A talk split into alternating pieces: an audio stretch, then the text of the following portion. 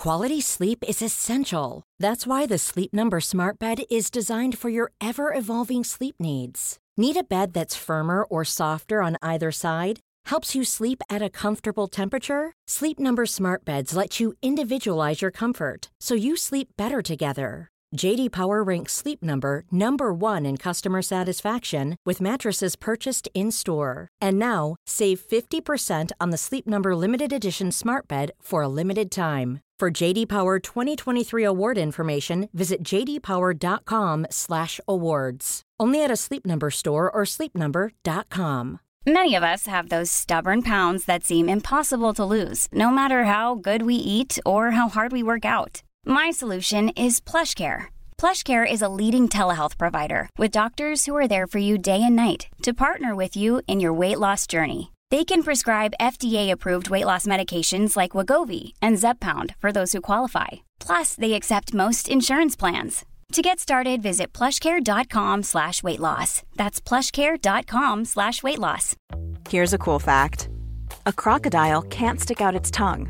Another cool fact you can get short term health insurance for a month or just under a year in some states. United Healthcare short term insurance plans are designed for people who are between jobs, coming off their parents' plan, or turning a side hustle into a full time gig. Underwritten by Golden Rule Insurance Company, they offer flexible, budget friendly coverage with access to a nationwide network of doctors and hospitals. Get more cool facts about United Healthcare short term plans at uh1.com. Hey, I'm Ryan Reynolds. Recently, I asked Mint Mobile's legal team if big wireless companies are allowed to raise prices due to inflation. They said yes. And then when I asked if raising prices technically violates those onerous two year contracts, they said, What the f are you talking about, you insane Hollywood ass? F- So to recap, we're cutting the price of Mint Unlimited from $30 a month to just $15 a month. Give it a try at mintmobile.com slash switch. $45 upfront for three months plus taxes and fees. Promo rate for new customers for limited time. Unlimited more than 40 gigabytes per month. Slows. Full terms at mintmobile.com. I'm amazed how many people own stocks. They, they would not be able to tell you why they own it. They couldn't say in a minute or less why they own it. Actually, you really press them down, they'd say, the reason I own this is the sucker's going up. There's enough cash in the financial system, and there is an infinite amount of cash at the Federal Reserve, an infinite amount Put of cash. that check in a money market mutual fund. Then we'll reinvest the earnings into foreign currency accounts with compounding interest, and it's gone. So they had to do something. All they had left was just to print money and start buying things. And that's what they did. Quick buck artists come and go with every bull market, but the steady players make it through the bear market. They say money can't buy happiness. Look at the fucking smile on my face. Hallå? Hallå? Är, det, är ni där? Jag, Fabian, de lyssnar. Är det så? Jag trodde, inte, jag trodde inte det skulle vara någon här efter börskraschen. Jag trodde alla hade slutat med aktier nu. Vi får väl se det efter avsnittet och sen som man ser att det är fyra lyssnare kvar. Ja, ja, ja, ja, men vi får väl köra ett avsnitt då. Tur att vi har lite planerat ändå, eller hur? Det, det är tur. Och det har minst sagt varit en intressant vecka. Till och med jag har fått smaka på börsens vrede den här veckan. Jag Till mig... och med du. Hybrisen är total. Ja, det klarade mig rätt bra i början när man gjorde gjorde det här skiftet mot eh, olja och värdeaktier i Q4. Men ja, man räddas ju inte av det längre. Du var riktigt nöjd här i förra avsnittet. Du var den enda på hela Fintwit som var på plus i princip. Och nu är det också 20% back eller någonting year to date. Men det är farligt det där. Vi pratade om det lite innan vi spelade in. Att det, det är märkligt det här. Just, just den här year to date. Alltså, års, alltså vad har man för avkastning från årsskiftet? Det är ju en supermärklig siffra och det är väldigt lustigt ändå hur mycket man hänger upp sig på den. Det hade vi en diskussion om precis efter, eller om det var innan nyår, kring hur man ser på årsavkastning och så. där. Du sa att du tittar inte ens på det i princip. Eh, och egentligen är det vettigt. För att det är lustigt att under 2021, jag tror att som bäst var jag uppe kanske 60 procent eller någonting på årsskift, från årsskiftet. Då. Eh, sen gick ju det ner, det backade ju rejält även redan under 2021. Alltså det, hela hösten var ju liksom negativ för den typen av bolag jag äger i alla fall. Eh, och det backade ju då 20 procentenheter ner till kanske 40 procent eller någonting när jag stängde året på. Men den stora nedgången, det var ju precis lika stor nedgång som det var nu. Men den tyckte man ju inte kändes så himla farlig för att man tittade på year to date. Ja, ja, year to date så har jag fortfarande en bra avkastning för året. Men nu när man börjar från noll och helt plötsligt då ligger typ 20 back. Nu vet jag inte om jag ligger så mycket back, men jag utgår från det med tanke på hur det har gått. Jag vågar inte logga in. Då helt plötsligt känns det mycket, mycket värre. Då känns det som att man är dålig, vilket är väldigt lustigt eftersom sagt man haft samma nedgång precis innan. Men det spelar bara roll var den sker i förhållande till årsskiftet.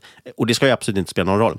Dessutom ska ska det ju tilläggas att säsongsmässigt, alltså det finns ju en sånt eh, säsongsmönster om man tittar på börsen, hur den brukar gå, så är ofta just januari och ofta februari väldigt skakiga månader. Det är väl ofta i mars också sådär, som det brukar vara riktigt skakigt och det såg vi ju inte minst under corona. Ja, man såg ju det, många som har glömt bort det redan. För, förra februari, förra mars var ju rätt stökiga de med.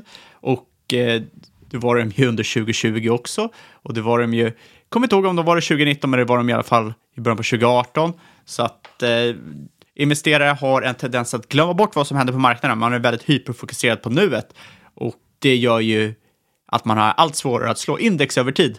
Ja, och det där gör ju också. Vi, vi ska försöka återkomma till allt det. Vi ska prata väldigt mycket om nedgångar och hur man tänker i nedgångar och sådana saker just eh, under det här eh, veckans tre snabba som vi brukar kalla det. Eh, men de kommer väl inte bli så snabba idag tror jag.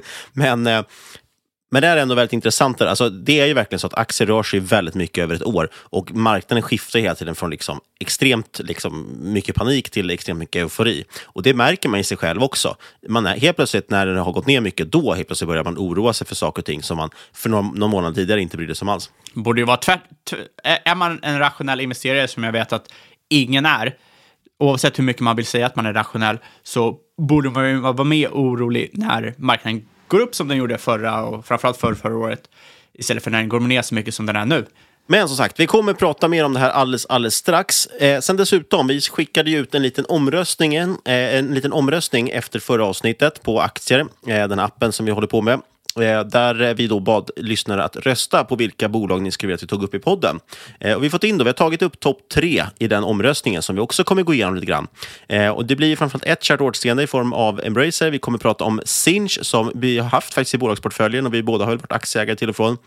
Men vi har aldrig egentligen tagit upp det i podden annat än i förbifarten. Det, nej, och sen... vi, vi har tagit upp den i podden faktiskt, men det var cirka tre år sedan.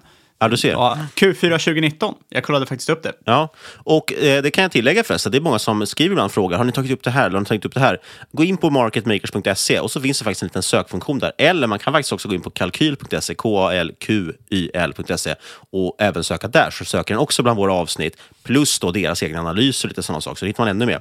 Eh, och vi försöker faktiskt tagga, åtminstone sedan några år tillbaka, så taggar vi alla avsnitt med tickernamn, eh, bolagsnamn och dessutom brukar vi försöka skriva ut tidstämplar. Så tittar man i avsnittsbeskrivningen då så ser man att okej, okay, eh, 21.00 börjar vi prata om Sinch i det avsnittet. Så då kan man faktiskt försöka använda det lite som ett bibliotek för att det är därför vi inte oftast så ofta vill upprepa Eh, om vi redan pratat med bolag tidigare så vill vi oftast inte kanske ta upp det igen eftersom vi försöker bygga någon form av stort bibliotek där man ska kunna hitta, hitta massvis med olika case. Ja, och sen behöver man inte gå för långt bak i tiden heller för att vi tycker också att kvaliteten har ökat under tid. Market makers är lite som ett fint vin, det blir bättre med åldern.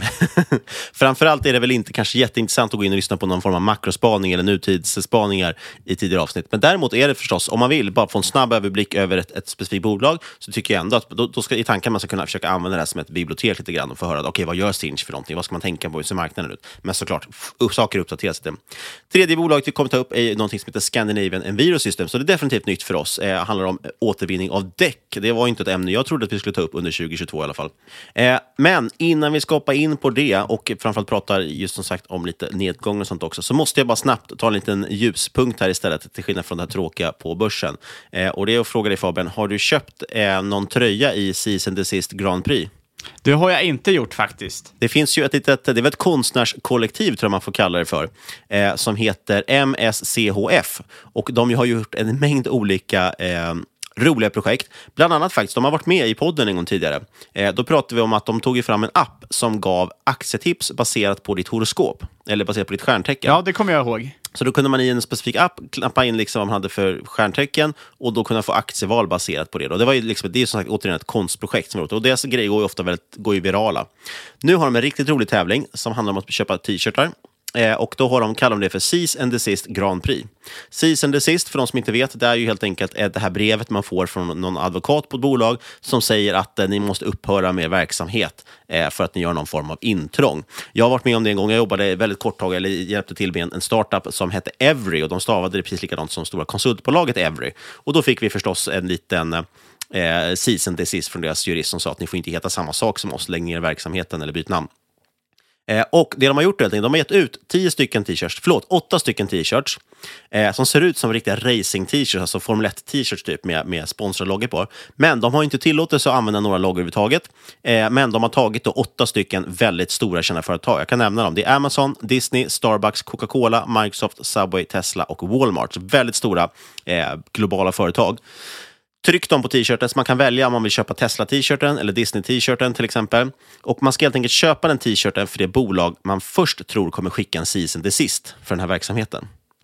Och gör de det, om du har köpt en, en Starbucks-tröja och det är Starbucks som först skickar en season desist, det är det som är tävlingen, det är därför det är ett Grand Prix. Eh, man tävlar i vem som först skickar season desist. Då kommer du dessutom vinna någon form av liten keps eller någonting som säger att du är en vinnare.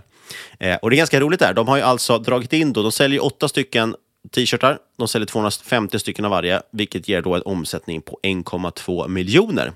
Eh, så det är ganska bra business det här ändå. Och eh, sjukt viralt, har ju spridits hur mycket som helst och väldigt De- rolig idé. Än så länge är det ingen som har skickat någon season till sist. Nej, men de är ju det här äh, konstkollektivet då, då som står bakom oss, det är Mischief, tror jag det uttalas. Just det, mischief, mischief är det förstås. Alltså, eh, och vad säger man?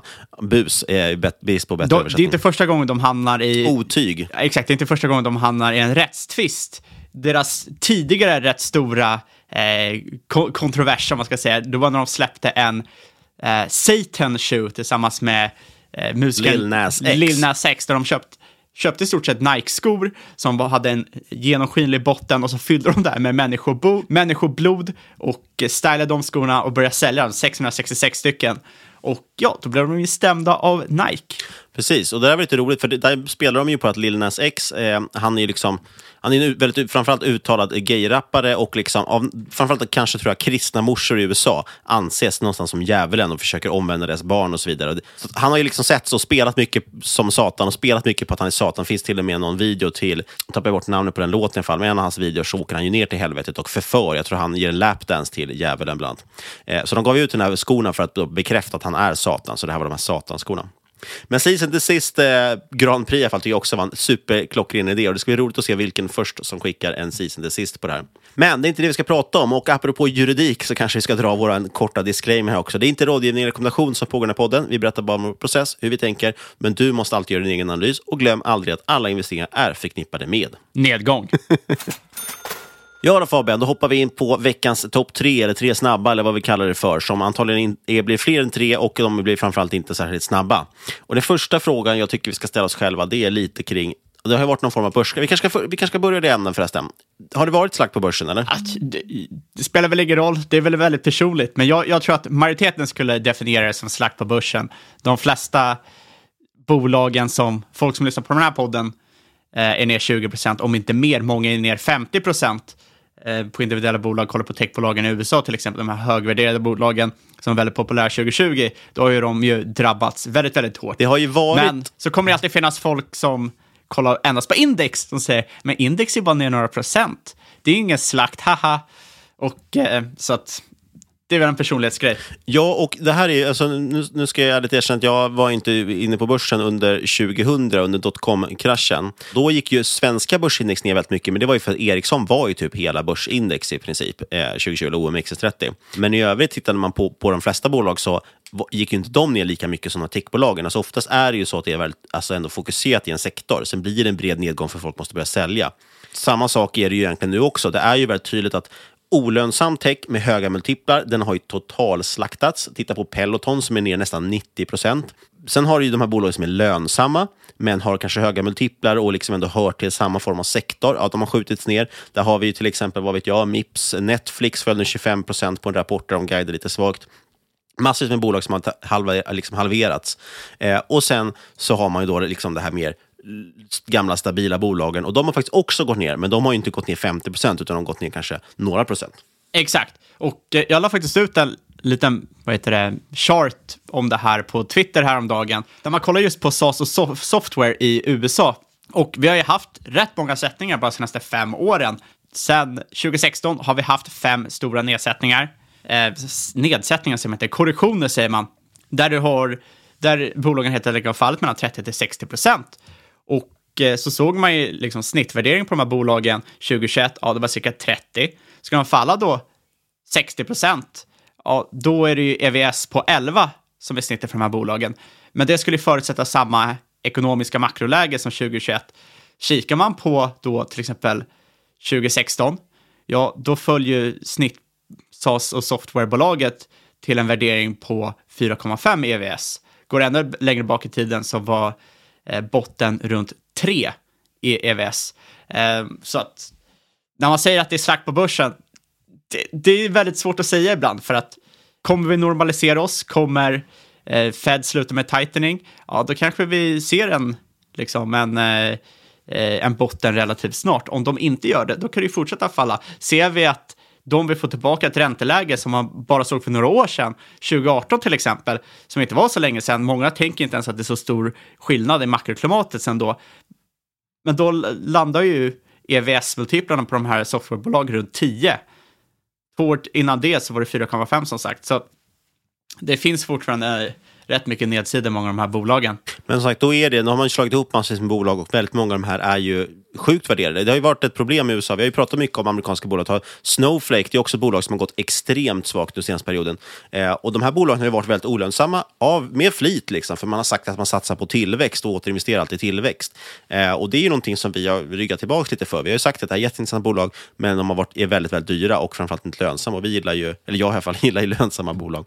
Men eh, Nej, som säger, samtidigt så känns det just nu som att marknaden verkligen har prisat in det här rejält nu, att det kommer fyra räntehöjningar och eh, eh, quantitative tightening. Och eh, ja, det är väl frågan hur mycket mer den kan prisa in det. Ett problem man har är ju att i bullmarknader, extrema tjuvmarknader, så tenderar man ju att dra ut sina prognoser, inte bara två, tre, fyra år, man tenderar att dra ut det liksom i årtionden, många som gör det. De tänker, ja men du har den här värderingen 2020, 2030, 2035. Ja, det är ju svinbra, det är ett riktigt kap att köpa det här bolaget nu. Grejen när du ser en liksom, björnmarknad som det är nu, om man kan definiera det här som en björnmarknad, vi ser en rejäl sättning. Det är ju väldigt mycket aktier är inne i bear market-territorium, om man nu definierar en bear market som minus 20 procent. Exakt, men då förändras ju sentimentet. Då slutar man ju kolla årtionden, man slutar kolla år, man börjar snarare kolla månader. Och på, någonstans där så sker det alldeles för stort skifte. Att du går från att kolla för långt in i framtiden till att kolla för kort in i framtiden och du är alldeles för närsynt för att se liksom, det stora perspektivet. Så jag tror det är väldigt viktigt att hålla kvar i att du i alla fall ska kunna se några år ut i de här bolagen. Precis, och det är det som är möjligheten också. Det är en jätte, jättebra poäng det där ju. För det är precis det som händer som säger, och det är därför man har de här svängarna mot extrem panik och extrem eufori. Eh, därav att det också finns det här fear and greed-index, som man pratar om, att man mäter hur mycket rädsla eller girighet är i marknaden. För så är det verkligen, marknaden överdriver till den. Det var ju, det, det var ju precis det Benjamin Graham menade när han prat, introducerade det här med Mr Market i, i uh, Intelligent Investor. Han sa att Mr Market, alltså marknaden, är ju en eh, manodepressiv man som ena dagen säljer bolagen till rabatt och nästa dag säljer dem till överpris. Helt enkelt beror på hur han mår den dagen. Och så är det ju verkligen, man överdriver ju rörelsen åt båda håll, vilket som du säger det betyder att det kan ju fortfarande ännu finna mer, finnas ännu mer nedsida. Men det man alltid måste göra är att räkna på bolagen och så kanske titta ut 3 till 5 år eller någonting.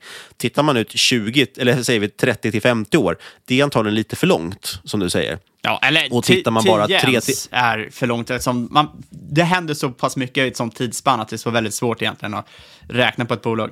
Ja, men jag menar, jag kan tycka att 3 till 5 år är ganska lagom. Eh, 30 till 50 år är alldeles för överdrivet och 3 till 5 månader är alldeles för kort. Eh, om man nu ska vara liksom en, en, lång, en investerare. Sen ska eh, man vara så... krass, och desto kortare tidsperspektiv du måste räkna på för att få ihop en investering, så är det klart desto bättre. Absolut. Kan du få ihop en, att det är en väldigt bra investering på, på tillväxtinvestering på, på sex månader, ett år, då är det ju en given buy. Måste du räkna på det här i tio år framöver, då blir det väldigt svårt att få det att gå ihop. Så är det, fast man kanske inte kommer få sin avkastning under de sex månaderna.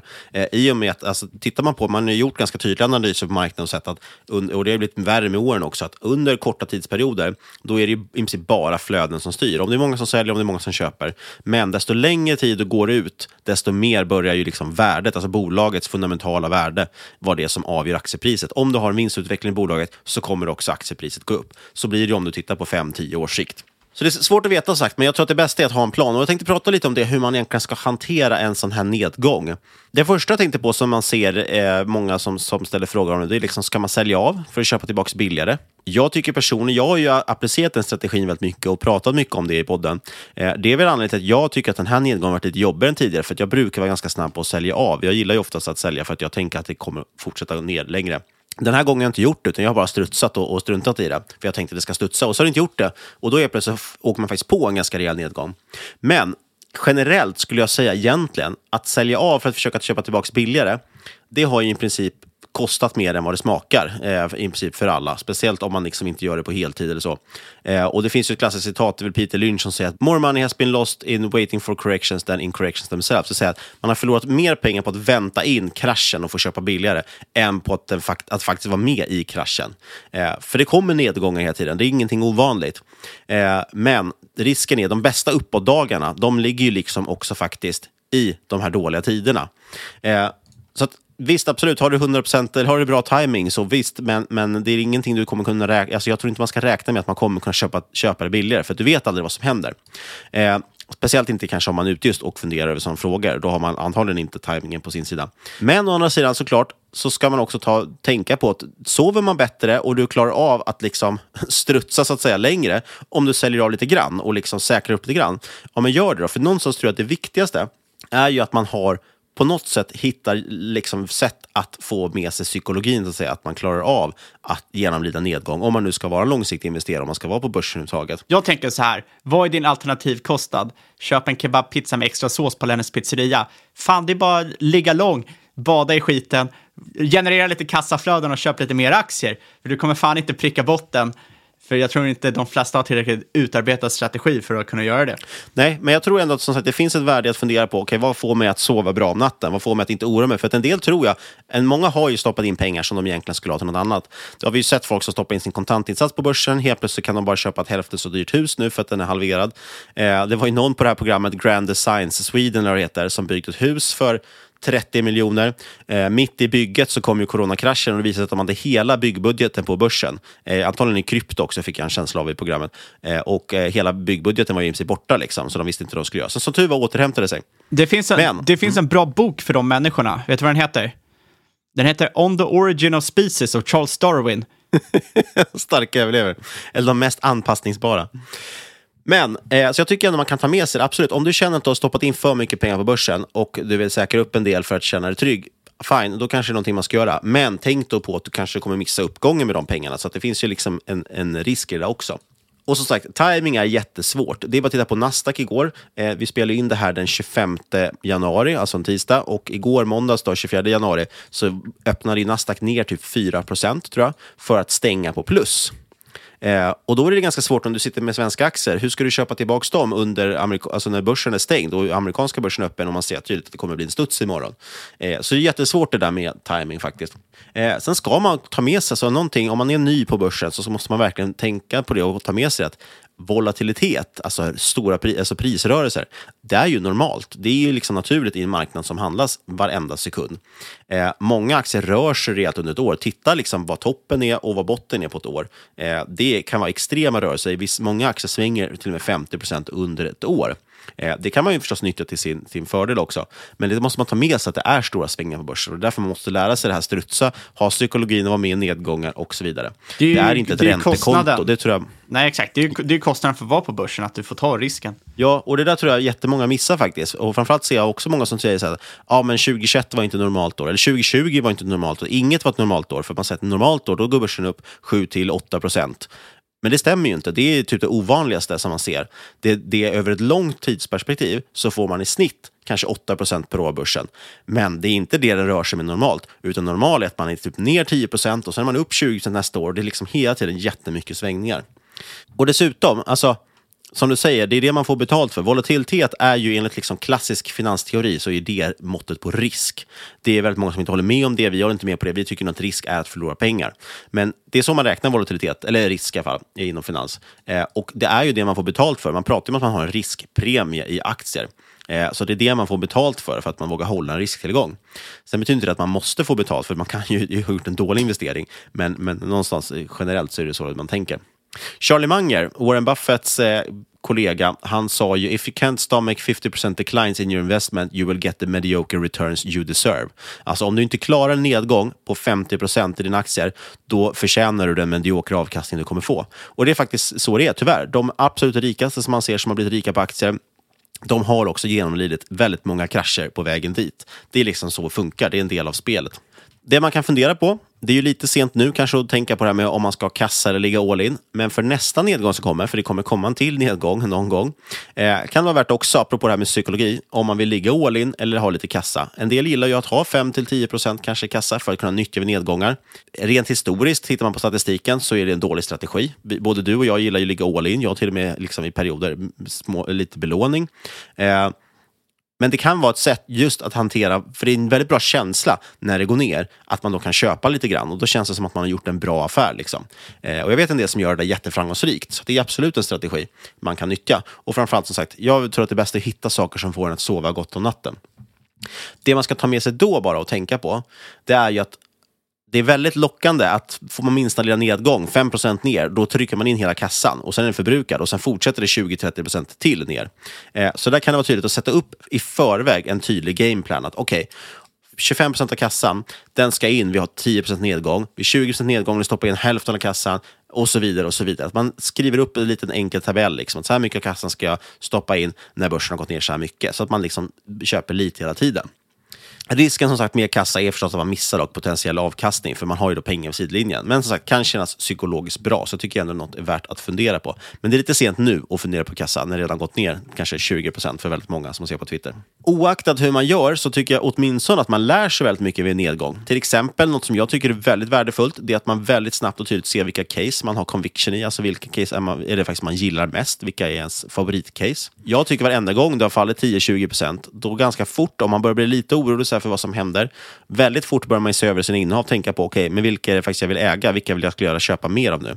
Och då har man alltid kanske två eller tre case som man känner, de där vill jag inte stoppa in mer pengar i. Och då inser man att okay, men det kanske inte var mina bästa case, det kanske inte är de jag ska liksom lägga majoriteten av fokus på.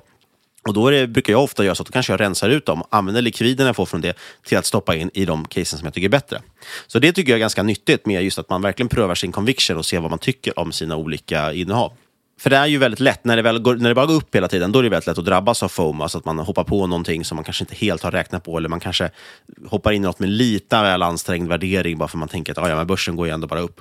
Och apropå värderingar så tycker jag det sista man verkligen ska göra för att liksom i slutändan, det som verkligen spelar roll, det är ju att man gör sin egen analys som vi hela tiden tjatar om och själv har räknat någonstans på det man äger.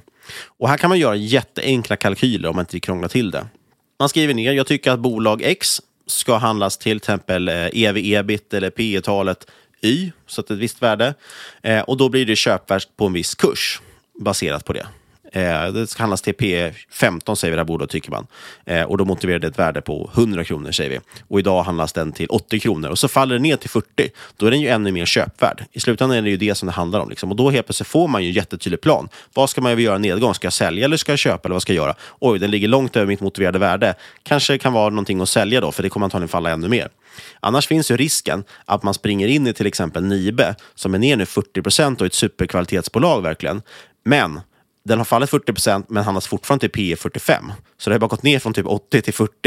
Så det är liksom fortfarande svindyrt och skulle lika gärna kunna halveras två gånger till utan problem. Vad fan säger du? Värmepumpar? Det är det nya guldet. Det är det nya guldet. Sista tipset att skicka med här, det är att skapa gärna bevakningslistor. Man kan göra det till exempel på börsdata, det är det enklaste. Där du lägger upp listor på vad du tycker är intressanta bolag. Vilka skulle du vilja äga om, du liksom, om det kom ner till en vettig värdering? Då har man den bevakningslistan. Det är väldigt snabbt och enkelt att bara uppdatera den eller titta på den på börsdata. Och då ser du okay, hur ser TPP-talen ut eller vad du nu vill kolla på för någonting just nu. Och då ser du snabbt oj, nu har börsen gått ner sig och så mycket. Och då ser jag att oj, det där bolaget börjar bli väldigt billigt nu. Eh, och då blir det liksom enkelt att eh, hitta någonting om vad man vill göra för sin kassa. Ja, och man ska ju påpeka att väldigt många bolag har ju kommit ner rejält mycket, speciellt när man kikar på tech och amerikansk tech. Många bolag är på eh, 52 week lows, alltså det lägsta som handlas på ett år. Många bolag har blivit, blivit väldigt billiga jämfört med vad de handlats på senaste åren. Många är tillbaka på värderingar som de var 2018-2019. Så jag tycker definitivt det är värt att kika. Samtidigt som man har i åtanke att inflation tenderar att vara rätt dåligt för aktier. Framförallt så såg man ju under 70-talet att det inte var så bra för techsektorn med inflation. Men en sak man inte tänker på där är att tech på 70-talet och tech nu är två väldigt olika typer av bolag. Tech på 70-talet, ja, det var ju egentligen noll att göra med dagens techbolag. De var väldigt liksom, eh, hade väldigt mycket tillgångar på Det är balansräkningen. mycket hårdvara känns som på den tiden. Då var det exakt, att man byggde datorer det var och ju miniräknare hårdvara. och Exakt. Kapitalintensivt, eh, väldigt höga kostnader och låga intäkter per anställd. Idag är det ju tvärtom. Det är asset light, de har hög ROIC, väldigt bra pricing power, de har väldigt hög cashflow per anställd. Och eh, det gör ju att även fast man benämner de här som tech så kan man inte egentligen kolla på historien på 70-talet då vi hade en väldigt, väldigt mycket inflation och liksom dra parallellerna till nu. Det är bara att ta, alltså man kan ju ta vilket bolag som helst. Låt säga att vi tar Google. Som, nu har jag inte alla siffror i huvudet, men låt säga att de har liksom 30 vinstmarginal eller någonting. De växer dessutom 30% per år. De gör enormt mycket pengar per anställd. Och de är ju egentligen inte beroende, deras affärsmodell är ju inte beroende egentligen av att de har stora fabriker som säger, utan de säljer ju annonser på nätet, det är ju deras stora business. Och YouTube också förstås. Då är det ganska rimligt, okej vad händer om vi får inflation? Ja, det är ju inte så att de har några tillverkningskostnader som ökar på något sätt. Egentligen drabbas de inte på något sätt. De får kanske lite högre lokalhyror på sina kontor, men annars sen tror jag på de flesta av deras, framförallt deras stora dyra kontor, så äger ju de antagligen marken och har byggt själva huset själva också, hyr av sig själva. Så det är inget jättestort problem. Visst, de kanske då kan få lite löneinflation som är problem med, men de har ju redan i princip högst löner i världen liksom, på de här techbolagen. Eh, så jag tror att de anställda är ganska nöjda ändå. Det finns inte jättemånga ställen de kan gå till och få mycket högre lön. Det är typ Facebook som jag hört nu har fått en anti-ESG-stämpel, att ingen som jobbar där, så de har höjt lönerna jättemycket. Dags att plocka in i portföljen alltså. Men generellt så är det som så att de drabbas ju inte särskilt mycket av inflation, speciellt inte jämfört med många andra företag. Så att, precis som Buffett har varit inne på så är det den typen av bolag man vill ha. Vi pratade om det i avsnitt 172 tror jag, eh, som heter någonting med Jag är inflationen. Eh, och den typen av bolag bör gynnas i det här. Men återigen, det kanske marknaden är liksom lite för kortsiktig för att se. Där återigen, man måste räkna på det, tre till fem år ut fram, framåt kanske, för att kolla liksom på, räkna på bolagen, vad tror jag kommer hända då? Ja, och det, det som är intressant här är också att många av de här bolagen fortsätter ju att spränga tidigare trodda gränser, eh, fortsätter vara extremt framgångsrika, speciellt när man kollar på de här infrastrukturmjukvara, eh, oavsett om det är liksom CPAS, alltså Communication Platform as a Service som vi ska prata om senare, eller de här Datadog som vi pratar om med säkerhet, pratar om 2020. Det fortsätter ju att bli en allt större eh, allt viktigare grej för alla typer av företag. Så om de fortsätter att lägga pengar här, och det kommer de inte sluta göra med, och eh, just att de är väldigt asset light gör att det är väldigt intressanta typer av bolag om man eh, kommer se en framtida ökad inflation. Sen tänkte jag avsluta med två glädjande grejer. Dels, jag, vi nämnde ju snabbt bara Buffett där till exempel som pratar om att man vill ha asset light companies under inflation. Vi, trodde ju, vi hade ju en resa bokad i 2020 till Berkshire Hathaways stämma, alltså Warren Buffett och Shirley Mungers eh, investmentbolag. Det där är ju, brukar ju kallas för Woodstock för investerare, men det vart ju inställt på grund av någon form av pandemi som kom och sen året efter, då vart det digitalt istället och så året efter kör de också digitalt. Och vi trodde att det kommer nog kanske aldrig bli fysiskt igen med tanke på att eh, Charlie Munger är ju långt över 90 och Warren Buffett är väl 91 nu tror jag. Eh, och de kanske till och med trillar upp in någon av dem tyvärr. Men nu fick jag nyheten idag att deras mässa kommer, eller deras årsstämma kommer hållas fysiskt på plats i Omaha, Nebraska i år. Eh, tveksamt om jag får till det med schemat att åka, men om inte annat så får vi definitivt åka nästa år Fabian, tycker jag. Och apropå Buffett, så tänkte vi faktiskt, och de här sakerna vi har pratat om, så tänkte vi faktiskt att vi skulle lotta ut tre stycken böcker till er lyssnare som kan vara bra att ha med sig i de här tiderna. Och det är väl en supersippa grej, eh, det är bara att retweeta avsnittet på Twitter när vi lägger ut det. Och så är man med i utlottningen av en av tre böcker. Vi kommer låta ut tre stycken olika böcker, så man får en av dem. Av dem då. Och då har vi väl plockat fram The Warren Buffett Way, som just handlar om hur Warren Buffett investerar och tänker och har blivit världens, en av världens rikaste män. Sen är det The Most Important Thing av Howard Marks, och den handlar ju om risk. Det kan verkligen vara med, någonting att ha med sig i den här typen av nedgångar och fundera på vad egentligen är, vad är risk för någonting, hur ska man tänka kring det? Jättebra bok. Och sen sist är det Common Stocks and Uncommon Profits av Philip A. Fisher. Och det handlar lite mer om hur man hittar intressanta bolag och, och ja, hur man hittar värdefulla bol eh, bolag med bra värde helt enkelt. Tre böcker som jag tror kan vara bra att ha med sig. Eh, som sagt, retweeta avsnittet så är du med och kan vinna en av de här tre böckerna. Och med det är det väl dags att hoppa in på de här tre bolagen vi ska prata om den här veckan. Och vi hade ju en omröstning i aktier om vilka bolag vi skulle prata om i det här avsnittet. Och de bolagen som blev framröstade var Sinch, Embracer och Scandinavian Enviro Systems. Vilket är intressant, för de två andra är ju large cap-bolag. Det tredje är lite av ett eh, mindre förhoppningsbolag. Vi ska ju gå, gå igenom alla de här tre och kolla vad vi tycker. Först ut är väl Sinch. Som Niklas sa så har vi redan snackat om dem. Eh, oktober 2019, avsnitt 112, om man vill gå tillbaka i tiden och lyssna. Om inte så kan man lika gärna lyssna nu. Och de erbjuder en CPAS, det är alltså Communications Platform as a Service. Och eh, de har lyckats bli en global marknadsledare de senaste åren. Men det är kanske för dumförklara någon, men jag tror inte alla hänger med på vad det är för någonting. Alltså det är en, as a service handlar alltid om att man säljer någonting som är tjänst. Det är bara ett modeord. Eh, och det här i fallet är det en kommunikationsplattform. Och det handlar framför allt har det varit väldigt mycket om sms.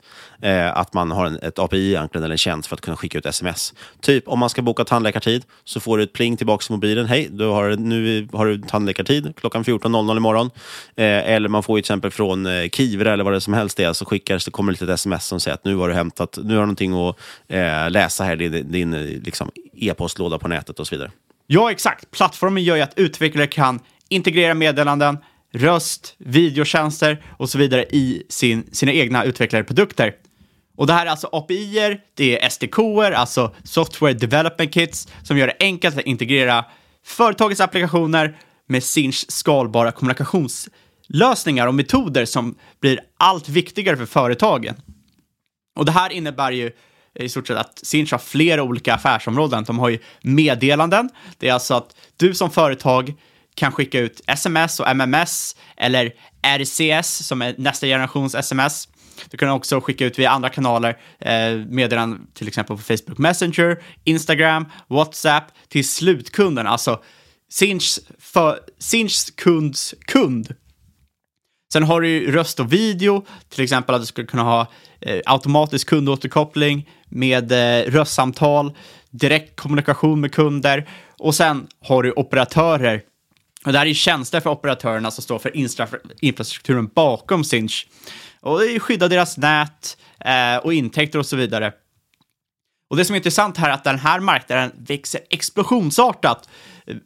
Marknaden förväntas växa med cirka 30 procent om året de kommande år, varav kanaler som WhatsApp och Facebook Messenger förväntas växa med över 100 procent. Eftersom de här kanalerna faktiskt blir allt viktigare för företag att nå sina kunder med. Och det här kanske låter konstigt, men kund, företag har alltid velat nå ut till sina kunder. Och ofta har man ju förlitat sig på e-mail. Men det har visat sig att ett väldigt framgångsrikt recept, än så länge i alla fall, bara, att gå via andra kanaler, som till exempel WhatsApp och Facebook Messenger, för att ha mycket högre frekvens av att kunderna man vill nå öppnar upp de här meddelandena. Det finns ju mycket fördelar med det också. Generellt, vi har pratat om chatt också överlag som ett verktyg. Vi pratar om live chat bland annat, det polska bolaget som är jätteintressant. Eh, och det märker man ju själv också. Det, det är lönsamt för företaget för att en supportperson då, eller någon som pratar med en kundtjänstperson kan ju helt plötsligt prata med, har ju tio chattar igång samtidigt. Eh, och det är ganska smidigt för en själv också att man inte behöver sitta i en telefonkö och vara låst vid telefonen, utan man kan skriva saker på chatt. Jag tycker det är jättesmidigt. Just med Messenger, jag tycker man märker ofta, jag tycker ofta när man söker på företag idag, så man har någon fråga till någonting, då kommer man in på deras Facebook-sida och då finns det ofta till och med färdiga knappar där man kan trycka på hej, vad har ni för öppettider? Eller hej, vad gör du? Liksom, ja, färdiga frågor som automatiskt skickas sms ger de ser det och de svarar direkt på chatt. Eh, det är ett ganska smidigt sätt att eh, kommunicera med företag faktiskt. Och Det man ska tillägga här, som, som något som Sinch har fått mycket kritik för av folk som inte kan bolaget, det är att många hävdar att vad finns det för mode här egentligen? Det var precis som Evolution när man sa så här, vadå, det är väl bara filma någon croupier, hur svårt kan det vara? Samma sak här, hur svårt är det att skicka ett sms egentligen? Det här kan man aldrig klara, eh, eller liksom kunna tjäna pengar på. Men Betänk själv, om du som stort företag vill börja skicka ut, eller som ett litet företag ännu värre, eh, vill börja skicka ut sms och du kanske är internationella dessutom. Eh, alltså, ska du då sitta och förhandla avtal med operatörer i alla länder som det här gäller? Det är det här som Sinch har. Alltså, infrastrukturen bakom är väldigt komplex, väldigt svår och är en väldigt stor moat. Sen har de konkurrens av till exempel Twilio i USA som också noterat med en sjuk SAS-multipel. De vore intressant att kolla hur mycket de har gått ner i år för övrigt. Men, eh, så det finns ju andra som kan där också. Men, men det är där som är liksom den tekniska eh, höjden på det, så att säga, eller moten i det hela. Att det är väldigt svårt att bygga upp det. Det är ingen, ingenting som ett företag kommer göra själva, utan man köper in tjänster av till exempel Twilio eller Sinch. Exakt, för det är inte bara att starta upp ett egna CPAS-nätverk eller tjänst och sen börja skicka ut meddelanden. Det kommer bli spärrat. Du måste ingå aktiva avtal med operatörer och sociala medier för att faktiskt kunna verka här Eh, det har ju, liksom den här tillväxten då från kunder, det är för att de har märkt då att kan, de, kan man skicka ut interaktiva meddelanden till kunderna, ja då kommer man ju höja kundernas engagemang, deras uppmärksamhet, vilket kommer troligtvis öka retention över tid, vilket är väldigt lönsamt. Det som är intressant är att Gartner, alltså den här stora researchfirman, de har eh, estimerat att 90% av globala storföretag kommer utnyttja CPAS-tjänster till slutet på 2023. Och det här kan jämföras med endast 20% vid 2020. Så det här är en marknad som verkligen har exploderat de senaste åren, bara för att det har varit så inte unikt ska jag inte säga, men det har varit väldigt, väldigt instrumentellt för många företags eh, tillväxt. Och eh, ja, som sagt, 90% av alla storföretag, det innebär ju att Sinch har väldigt många eh, attraktiva kunder. Och alla företag som vill kommunicera med slutkunden är en potentiell target att bli Sinchs kund. De har 8 av 10 av USAs största techbolag som, eh, som kunder, bland annat Adobe och Salesforce.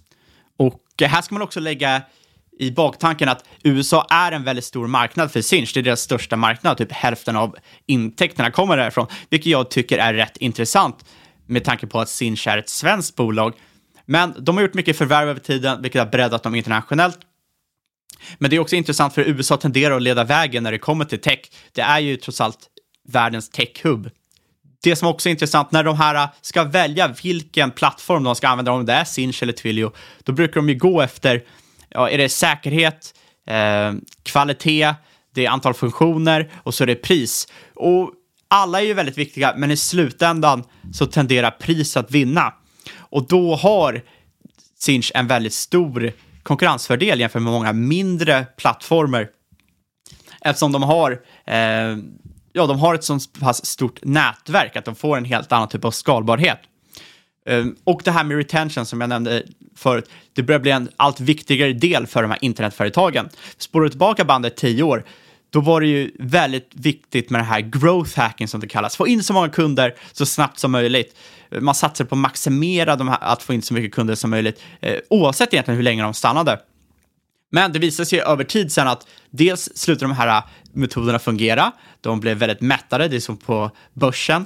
Om du har en strategi som fungerar väldigt bra, om folk får reda på det, ja, då tenderar den att sluta fungera. Och det här har ju skiftat över till att det bästa sättet att bli lönsamt, det är att få kunderna att stanna så, långt, så länge som möjligt och sälja på kunden så mycket som möjligt. Så vill man ha exponentiell tillväxt som företag idag så gäller det att hålla kvar varje enskild kund så länge som möjligt. Och det här är någonting som Sinch är väldigt bra på eftersom de har en väldigt bred produktportfölj att sälja in till kunderna. Och den här tillväxten, den kommer från en, i stort sett en blandning av organisk tillväxt och förvärvad tillväxt. Där förvärv fokuserar på att dels komma åt ny teknologi och ökad skalbarhet och ökad lönsamhet. Och historiskt sett har förvärv varit väldigt lyckade för Sinch. Och eh, Sinch är ett helt annat bolag nu än det var 2016 eftersom man har lyckats köpa upp många uppstickare och därmed har blivit en marknadsledare väldigt, väldigt snabbt. Och tack vare de här förvärven har de lyckats bredda sig in i Brasilien, Indien, väldigt många delar av Asien. Vid eh, slutet av 2019 så såg vi att Sinch har trappat upp förvärven rejält och det här har ju lett till en väldigt stor konsolidering på C-passmarknaden. Och eh, det tycker jag är rätt intressant för att det gör ju att nu egentligen så har du ju Sinch, och Twilio och du har en massa inte massa, du har några få mindre uppstickare där nere, till skillnad mot vad det var, var för några år sedan, då det fanns väldigt, väldigt många mindre uppstickare, så fanns det Twilio. Då har Sinch lyckats komma upp ur den här lilla eh, havet av mindre spelare. Och medianmultipeln som de köper upp sina bolag på ligger på ev-ebitda 14, där man bland annat har köpt upp Intelliquent, Message Media, och båda de här bidrar rejält med intäkter. Och nyligen köpte man även upp Pathwire för molnbaserad e-post som i stort sett gör Sinch till en komplett C-POS-plattform. Eh, för lyssnar man tillbaka på vårt avsnitt 2019, jag är inte 100% säker på att vi sa det, men då var en stor grej med Sinch att de hade inte lika bred produktportfölj som Twilio. Det kanske de inte har än så länge heller, men de har i alla fall alla produkter som de flesta efterfrågar när man kommer till C-post nu. Och Pathwire var väldigt viktigt. Det handlar ju om att kunna ta hand om olika typer av e-mail till kunder.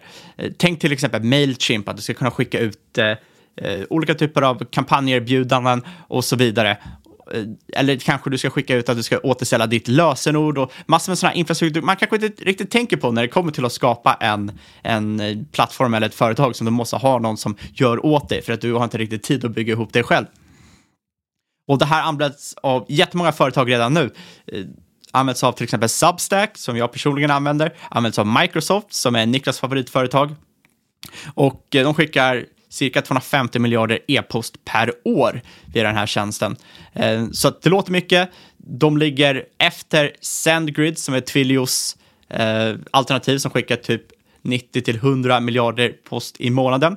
Men de är fortfarande en eh, marknadsledare som grupp i alla fall. Och en stor konkurrensfördel för Sinch som Niklas Eh, nuddade lite lätt på förut, det är ju deras Tyrett-nätverk. Den här infrastrukturen de har byggt upp, där de har en direkt anslutning till fyra olika, fyra, fyra olika, 400 olika mobiloperatörer. Och eh, mindre konkurrenter, de har ju bara tillgång till några få lokala eller regionala nätverk.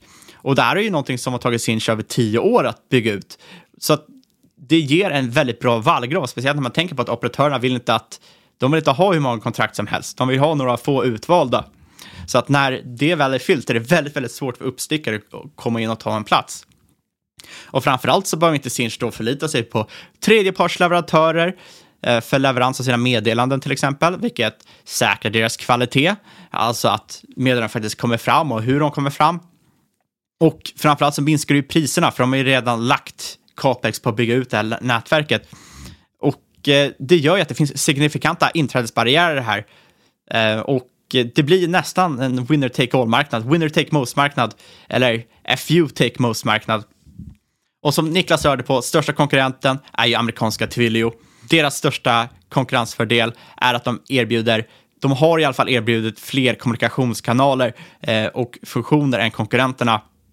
Det jag tycker att de skiljer sig mest med Sinch, det är att de erbjuder funktioner utanför det här traditionella CPAS-teknikerna, funktionaliteterna, som att skicka meddelanden och röstmeddelanden, för de har börjat integrera produkter som kanske är lite mer liknar till exempel Datadog, där det kunna eh, kolla säkerheten bakom sin data och liknande.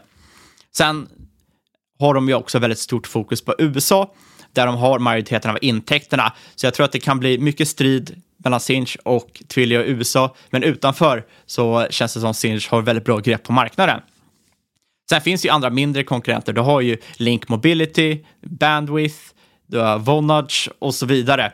Men jag personligen ser inte att de är, de har ju den här regionala täckningen, men de har inte samma internationella spridning, de har inte lika stort nätverk. Det som jag tycker också är intressant om vi tittar på investeringsperspektiv, Sinch jämfört med Twilio.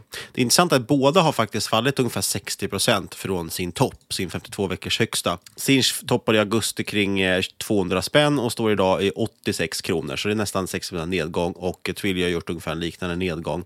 Sen kan man i och för sig hävda att det finns lite att ta med tanke på att Sinch är upp 700 procent på tre år. Men det är ändå intressant, där, för tittar man på de här två bolagen, man bara kollar lite nyckeltal. Det som jag tycker är den största skillnaden på de här två bolagen, som sagt ur investeringsperspektiv, det är att Sinch handlas ju ut till ett EV-sales på fyra, så fyra gånger omsättning får du betala, medan Twilio kostar 12. Så det är tre gånger så dyrt sett till liksom, hur mycket omsättning får för pengarna. Och då ska tilläggas att vad får du faktiskt för de pengarna? Ja, i Sinch har du ett bolag där vinsten växer exponentiellt. Alltså de har ju en otrolig vinstutveckling.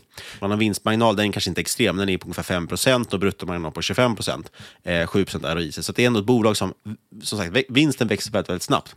Medan Twilio å andra sidan, de har, är ju ett av de här bolagen vi pratade om tidigare som har valt att vara olönsamma för att satsa på tillväxt. Eh, de säger i alla fall att de har valt att vara, vara olönsamma, vi vet ju inte om det stämmer.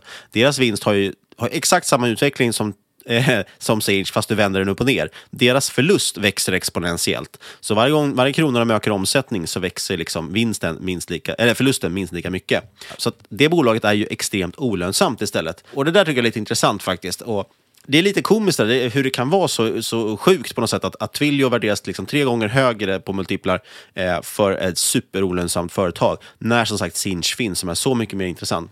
Och det där har vi sett att analytiker tar fasta på också. Det här med peer-värdering, alltså att jämföra sig att okej, okay, men Sinch är billigt för att Twilio är dyrt. Det är liksom argumentet håller inte, men det kör ju banker med. Det var ju ganska nyligen kom det ut en ny eh, analys. Jag kommer inte ihåg vilken bank det var nu, vi behöver inte slänga dem under bussen. Men då hade man i alla fall en eh, köprekommendation på Sinch och sa det att den ser jättebillig ut jämfört med Twilio.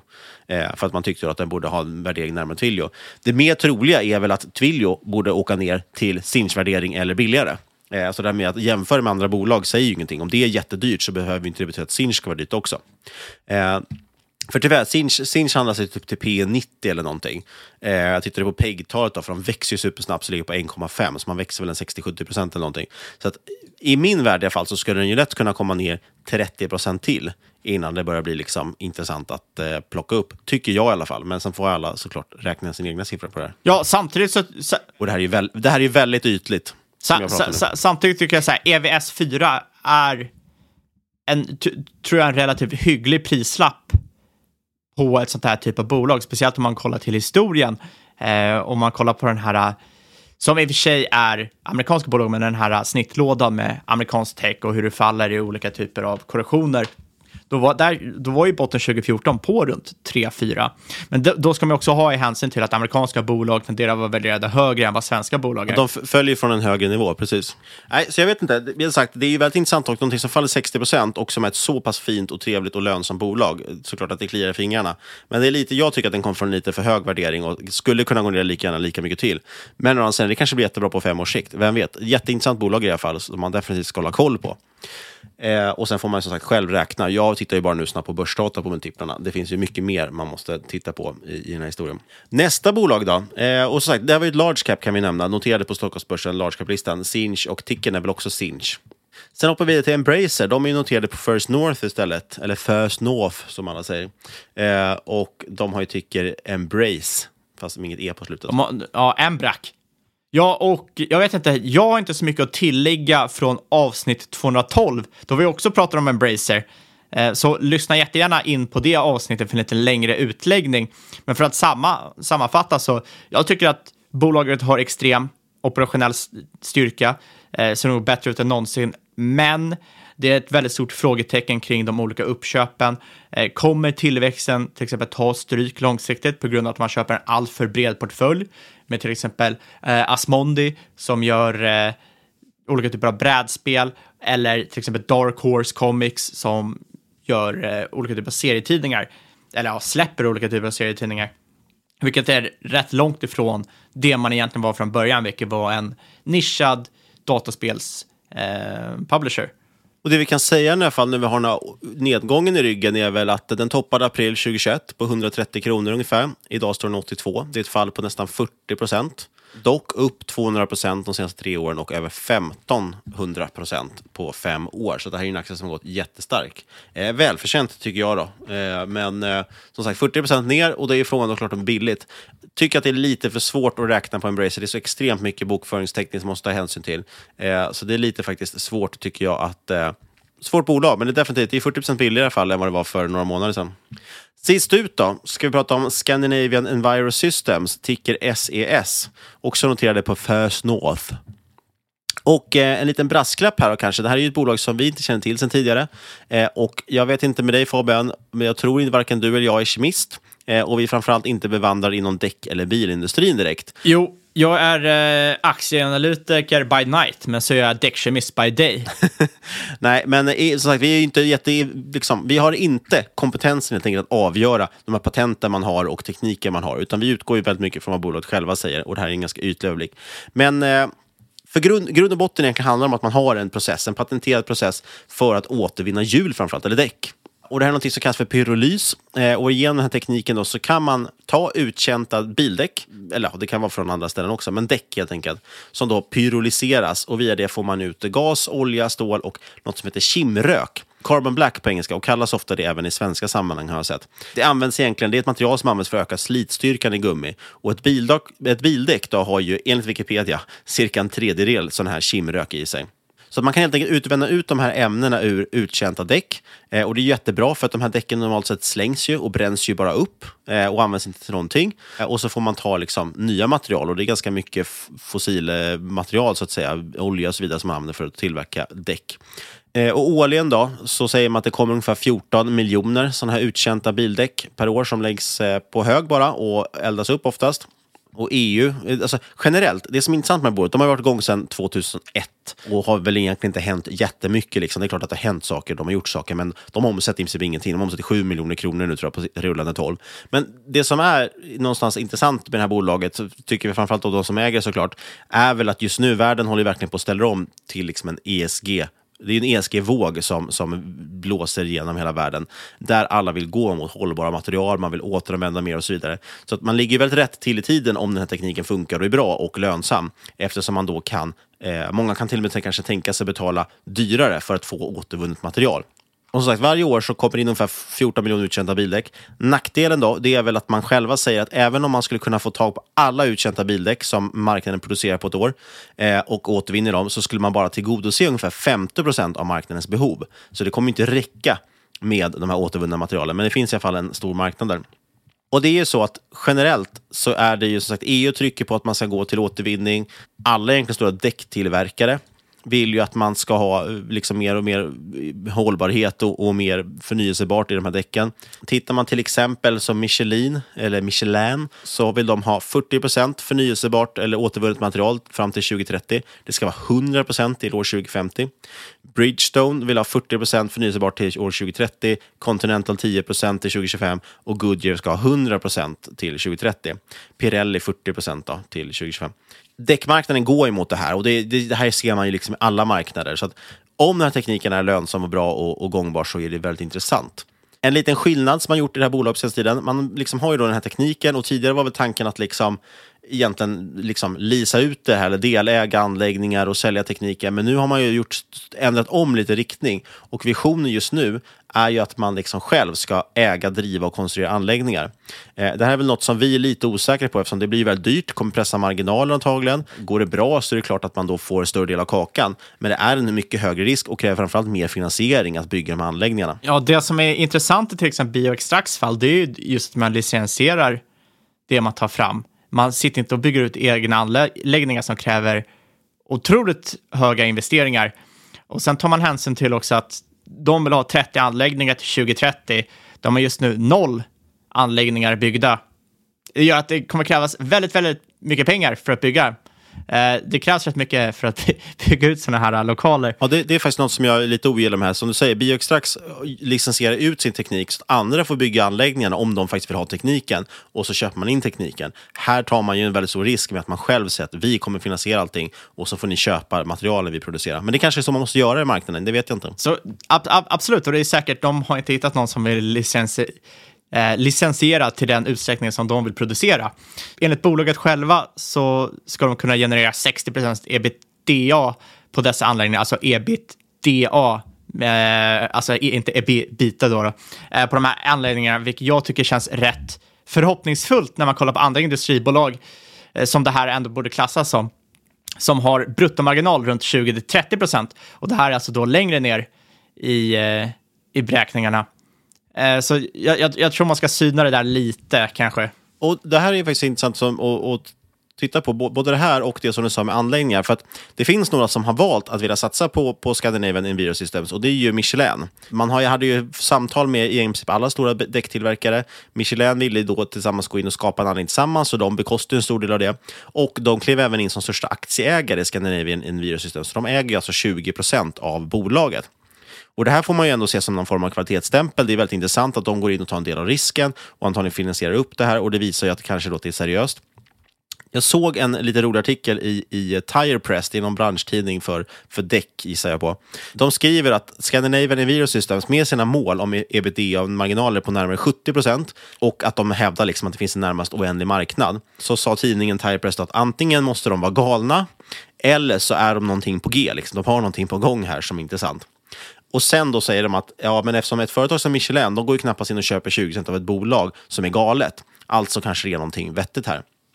Det finns dock en stor brasklapp här jag tycker man ska ta med sig. Och Det handlar inte om att klanka ner på bolaget, men man måste ändå faktiskt tänka på att alltså CS, då, eh, Scandinavian Enviro Systems, har ett börsvärde på ungefär en miljard. Jag, vet inte, jag har inte kollat upp exakt vilken värdering Michelin köpte in sig på. Eh, men låt säga att de la in ungefär 200 miljoner kronor.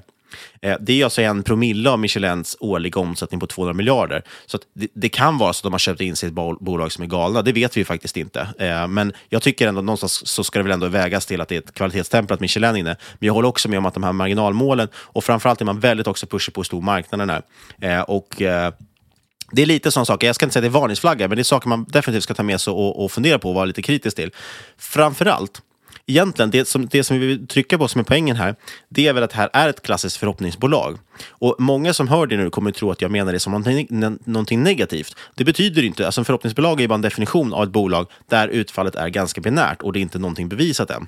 Eh, och med att utfallet är binärt så menar vi att det kan antingen gå väldigt bra. Det kanske kan ju gå som bolaget tror och hoppas.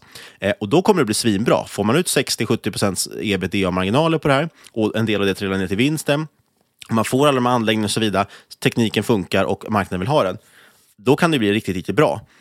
Men, men det kan också lika gärna vara med, så med, att... Med 70% ebitda, jag menar Microsoft har en bruttomarginal på 69 Det är, alltså, det är två helt En är mjukvara, 100% Den andra är fysiska produkter och fysisk framtagning. Jag får liksom inte ihop den beräkningen i huvudet. Vart varför försvinner inte mer pengar på vägen? Det har inte jag riktigt förstått. Det har inte heller förstått. Jag tror att man trycker på att man kommer betala, vilja betala premiumpriser för det här för att det är ett återvunnet material. Och det finns som sagt bara, det finns inte tillräckligt med återvunnet material för hela marknaden, att tillgodose hela marknaden. Alltså kommer folk kanske bli priskrig om det här. Men jag är inte helt insatt i hur, hur man har räknat på det där. Man hävdar ju att man har en, ett, en, en analys på det. där. Min poäng i alla fall, oavsett vilka marginaler man får, man kan ju fortfarande få en trevlig lönsamhet i det här. Låt säga att man har 5 marginal eller 10% alltså vinstmarginaler på det här. Eh, och att allting går bra och man får en stor del av marknaden och får en jätteomsättning. Då är ett börsvärde på en miljard ganska litet. Så det kan ju spela ut jätteväl. Men det är ju en väldigt stor chans också att det kanske bara är så att man fortsätter harva på. Man har hållit på i 20 år nu. Nu ligger tajmingen mycket bättre. Men det kan vara så att det finns ju hundratals sådana här bolag som harvar på i 20 år till och det händer ingenting. Och man fortsätter prata om marginaler och visioner och nu är det här på gång och nya PM och så vidare. Så att man ska bara ta med sig det. Som sagt, jag säger inte det nödvändigtvis som något negativt, men det är ett binärt utfall. Det är lite mer av en, en lott än, tycker jag då, kanske en, en liksom investering. Jag gillar i alla fall Eh, jag tycker att det är för stor risk i det här helt enkelt. Eh, det kan antingen gå svinbra eller superdåligt. Eh, och jag gillar inte riktigt det. Jag vill hellre att, att nedsidan är lite begränsad och därför gillar jag liksom lönsamma bolag. Eh, men som sagt, jättemycket i tajmingen pekar på det här. Så det, det, är den här typen av trend som är intressant nu. Och sen kan det också vara som sagt, det kan vara lika så att fondflöden eller någonting plockar upp det här för att man tycker det är intressant och drar iväg det. Jag vet inte. Man har i alla fall en viss finansiering just nu. Man har väl typ 24 typ miljoner tror jag i kassan när man tittar på Q3 2021. Jag har inte stenkoll på deras burn rate, eh, men ska man börja bygga anläggningar så kommer det brännas betydligt mycket mer pengar. Eh, och man tog nyligen in 125 miljoner i riktad emission. Man ska ta med sig det verkligen i alla typer av sådana här bolag. När de inte tjänar pengar och de har, framförallt när de har väldigt stora planer. Det kommer krävas pengar. finns det stor risk för utspädning, att det kommer vara fler emissioner. Men som sagt, man är nu ändå i startskottet, så det ska bli intressant. Omsättningen har ökat pyttelite eh, senaste året, men den kommer ju förhoppningsvis, om de här anläggningarna funkar som de ska, explodera. Då. Det är väl det som är, är caset som man hoppas på här. Kan, kan du ens bygga en anläggning för 125 miljoner? Nej, men förhoppningsvis då. Vi tar en anläggning som de håller på nu just med, med Michelin till exempel och då kommer väl de stå för en del av den kostnaden och så leasar man ut tekniken på något sätt. Jag vet inte exakt hur avtalet ser ut. Ändå ganska intressant och det verkar ju funka i alla fall. Alltså tekniken funkar och man använder redan idag som jag förstått återvunnet material från det här, eh, bland annat i just viss eh, motorsport. Eh, så det är liksom själva grejen funkar. Och som sagt, jag tror det är mycket snack nu om att man ska greenwash allting och allt ska vara ESG och miljövänligt och hållbart och så vidare. Många kan säkert tänka sig betala ett premiumpris för det. Så det är, ändå, det är intressant. Det är precis som lite som bioextrax. Det är en intressant teknik, det är intressant tillämpning. Vi för dålig, har för dålig koll på däckmarknaden vill jag påstå för att kunna avgöra om det här är vettigt eller inte. Eh, och framförallt så vill vi bara skicka med att det är verkligen ett högriskcase. Det är väldigt mycket en lott i och med att det kan gå superbra eller superdåligt. Du kan lika gärna förlora alla dina pengar som du kan dubbla pengarna. Känns lite som en good cop, bad cop här. Jag, jag, jag känner mig väldigt negativ och du försöker, ah men det, det är okej okay, grabbar. Vi får alltid så mycket arga mejl om när vi sågar saker också. Men som sagt, det kan vara intressant och jag är inte, verkligen inte superinläst på caset. Men jag, jag, tycker ändå grundpremissen är ganska intressant. Eh, jag gjorde en superenkel servettkalkyl på det här. Eh, just för att jag tycker det är lite svårt att annars liksom förstå en miljard i börsvärde, är det mycket eller lite? Eh, och då slog jag bara ut egentligen, okej, okay, Nu räknar jag högt, då. jag räknar på att man skulle få en vinstmarginal på 20 procent. Jag, jag, tror att den kommer ligga betydligt lägre, eh, snarare ensiffriga tal. Men låt säga att de får det, för nu pratar vi om att bolaget infriar sina mål. De får 60 procents ebitda-marginal, kanske de får 20 procent vinstmarginal. Och så slår man ut på vad de har för, för antal aktier och så vidare. Och så sa jag att, ja, låt säga att de ska få ett P tal på 20 då kanske. Eh, kursen idag är 1,57. För att det ska ge ett P på 20, då måste de ha en omsättning på 257 miljoner, 257,5 miljon. Så det är bara en, liksom ett räkneexempel att med de här fantastiska marginalerna så måste man omsätta ungefär en kvarts miljard för att då få ett P på 20. Jag tror sagt att marginalen kommer betydligt lägre eh, och omsättningen då behöver vara betydligt högre. Men det kan det ju bli om de skulle nå liksom ändå bara en bråkdel av de här enorma målen de har. Då kan de ju lätt börja omsätta några miljarder säkert. Men man ska veta att det är en väldigt stor resa dit från 7 miljoner i omsättning idag. Apropå det, marknaden för sån här kimrök i alla fall, det är det man pratar om mest, det här Carbon Black. Eh, det uppgår totalt till totalt cirka 23 miljarder dollar idag, så det är en väldigt stor marknad. Förväntad tillväxt om ungefär 6 procent årligen fram till år 2027. Aktien då, eh, 15 000 ägare på Avanza ungefär. Ändå okej okay likviditet i den, det är liksom inte ett helt dött bolag. Toppade, ungefär, toppade november 2020 eh, på 3 kronor ungefär och sen har den trendat ganska stadigt neråt. Dagens kurs på 1,50 så det är ungefär 50% nedgång. då. Ja, jag, jag, skulle vilja säga att den toppade på börsnoteringen i juni 2014. Så kan man också se det. Sen dess är den ner 90 procent och det beror väl på alla de här emissionerna och utspädningen och så vidare. Eh, senaste tre åren upp 400 procent. Så det beror på vilken tidshorisont. Det här är väldigt viktigt med att kolla på olika tidshorisonter. Sen som sagt, historisk avkastning är ingen garanti för framtida avkastning. Varken de här 400 procenten eller 92 procent ner behöver egentligen betyda någonting framåt. Men som sagt, det viktiga är att titta på börsvärdet, försöka ställa det i någon slags förhållande till vad de skulle kunna tänkas omsätta eh, och vad som är rimligt då. Så ska man ju ha förstås en, en, en risk, eh, vad säger man, säkerhetsmarginal på det också. Eh, och vad det kan mynna ut till. Men som sagt, ännu intressant teknik. Eh, jag kommer hålla lite koll på det där, men eh, för mig är det ett alldeles för stort högrisk-case att säga. För det är ju som sagt som en, en lott. Det är ett väldigt binärt utfall. Jag ogillar det i mina case i alla fall. Eh, men kul bolag. Framförallt jättekul ser jag på. Är man intresserad av bolaget så ska man såklart registrera sig på aktier.com. AXYER och ladda ner den appen. Jättemycket aktivitet kring det bolaget i den appen, vilket är kul. Eh, de har redan lagt in till exempel nio triggers i den här typen av bolag. Med förhoppningsbolag så är det väldigt viktigt att hålla koll på sådana typer av triggers och sånt. Och det ligger inlagt i appen så man kan se det direkt där till exempel och se insiderägande och alla möjliga spännande saker. Eh, så gå definitivt in där och följ bolaget om ni är intresserade av det. Ska också påpeka att det finns mycket aktivitet i andra grupper också. Du har de största fem grupperna i aktier SBB, Investor, Embracer, Evolution och Sinch. Så är det någonting som intresserar er så såklart ni ska gå in på aktier. Det där är en bra poäng och det har vi, tycker jag faktiskt är kul. Vi reagerar på det att när man jämför med många andra forum som vi kanske inte tycker har varit superseriösa så är det väldigt stor skillnad vilka bolag som diskuteras i aktier och det är väldigt kul. Då har vi lyckats med den missionen som ändå var att ha en seriös liksom, aktiediskussioner om, om eh, seriösa bolag, eller på att säga, men inte den här jakten på nästa liksom, raket, så att säga. utan det är väldigt mycket fokus på lönsamma, intressanta, stabila bolag. Liksom. Eh, så jättekul, jag tycker det är väldigt roligt. Men gå in i appen och kolla och eh, som sagt, tycker man det är dålig aktivitet i något bolag som man följer, då får man ju skriva lite själv också. Och det kommer hela tiden löpande nyhetsflöde, man får mäklarstatistik, insiderinformation, allt möjligt spännande. Förlåt, nu sa jag insiderinformation igen. Insiderägande och handel från insiders. Inte insiderinformation. Den funktionen har inte lanserats än, men kommer komma som en premiumfunktion. Inte än, men snart. det kommer ta lite extra för. Ja, det var dagens avsnitt. Kul, lite annorlunda upplägg på det här. Långt blir det också, ser jag på klockan. Har vi något innehav i något av det vi har pratat om? Nej, tyvärr. Inget från min sida. Nej, det är inget av det här vi äger, eh, varken privat eller i bolagsportföljen. Kommer inte ihåg eventuellt om Embracer är med i den här Twitter-portföljen svar, men det är inte vi som styr den på det sättet. Den röstas ju fram hela tiden månadsvis. Oavsett, ska komma åt, inget hört i den här podcasten ska ses som rådgivning. Alla åsikter, värderingar eller gäst och eventuella sponsorer tar inget ansvar för det som sägs i podden. Tänk på att alla investeringar är förknippade med risk och sker under eget ansvar. Och har ni otur så kommer ju börsen slaktar ändå så kommer allt gå ner. Det har du redan gjort, verkar som. Eh, vill du snacka aktier med likasinnade, gå in på aktier.com, axyer.com. Tycker du det är svårt med stavningen, det finns en länk i avsnittbeskrivningen. Och som sagt, vi lottar ut tre stycken böcker. Man kan bli vinnare till en av de här tre stycken böckerna. Det är The Warren Buffett Way, The Most Important Thing och Common Stocks and Uncommon Profits. Tre stycken fantastiska böcker. En av dem kan bli din. Om du bara går in och retweetar avsnittet på Twitter, at marketmakerspod, där man förstås också kan kontakta oss och hitta våra privata konton. Sen får man jättegärna också kontakta oss på podcast.marketmakers.se eller lämna en recension på iTunes. Det hjälper oss jättemycket. Eller varför inte berätta för grannen och grannens hund om podden så de börjar lyssna också. Jag vet att det känns jobbigt att ge bort sin edge i marknaden kanske, men det kan vara värt det för att eh, stötta oss. Och sist, men absolut inte minst, stort tack för att du har lyssnat, kära lyssnare. Vi hörs igen om en vecka.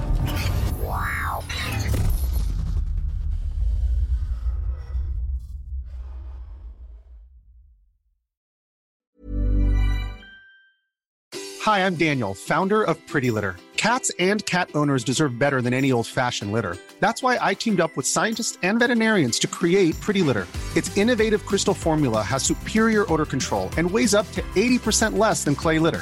Pretty Litter even monitors health by changing colors to help detect early signs of potential illness. It's the world's smartest kitty litter. Go to prettylitter.com and use code ACAST for 20% off your first order and a free cat toy. Terms and conditions apply. See site for details.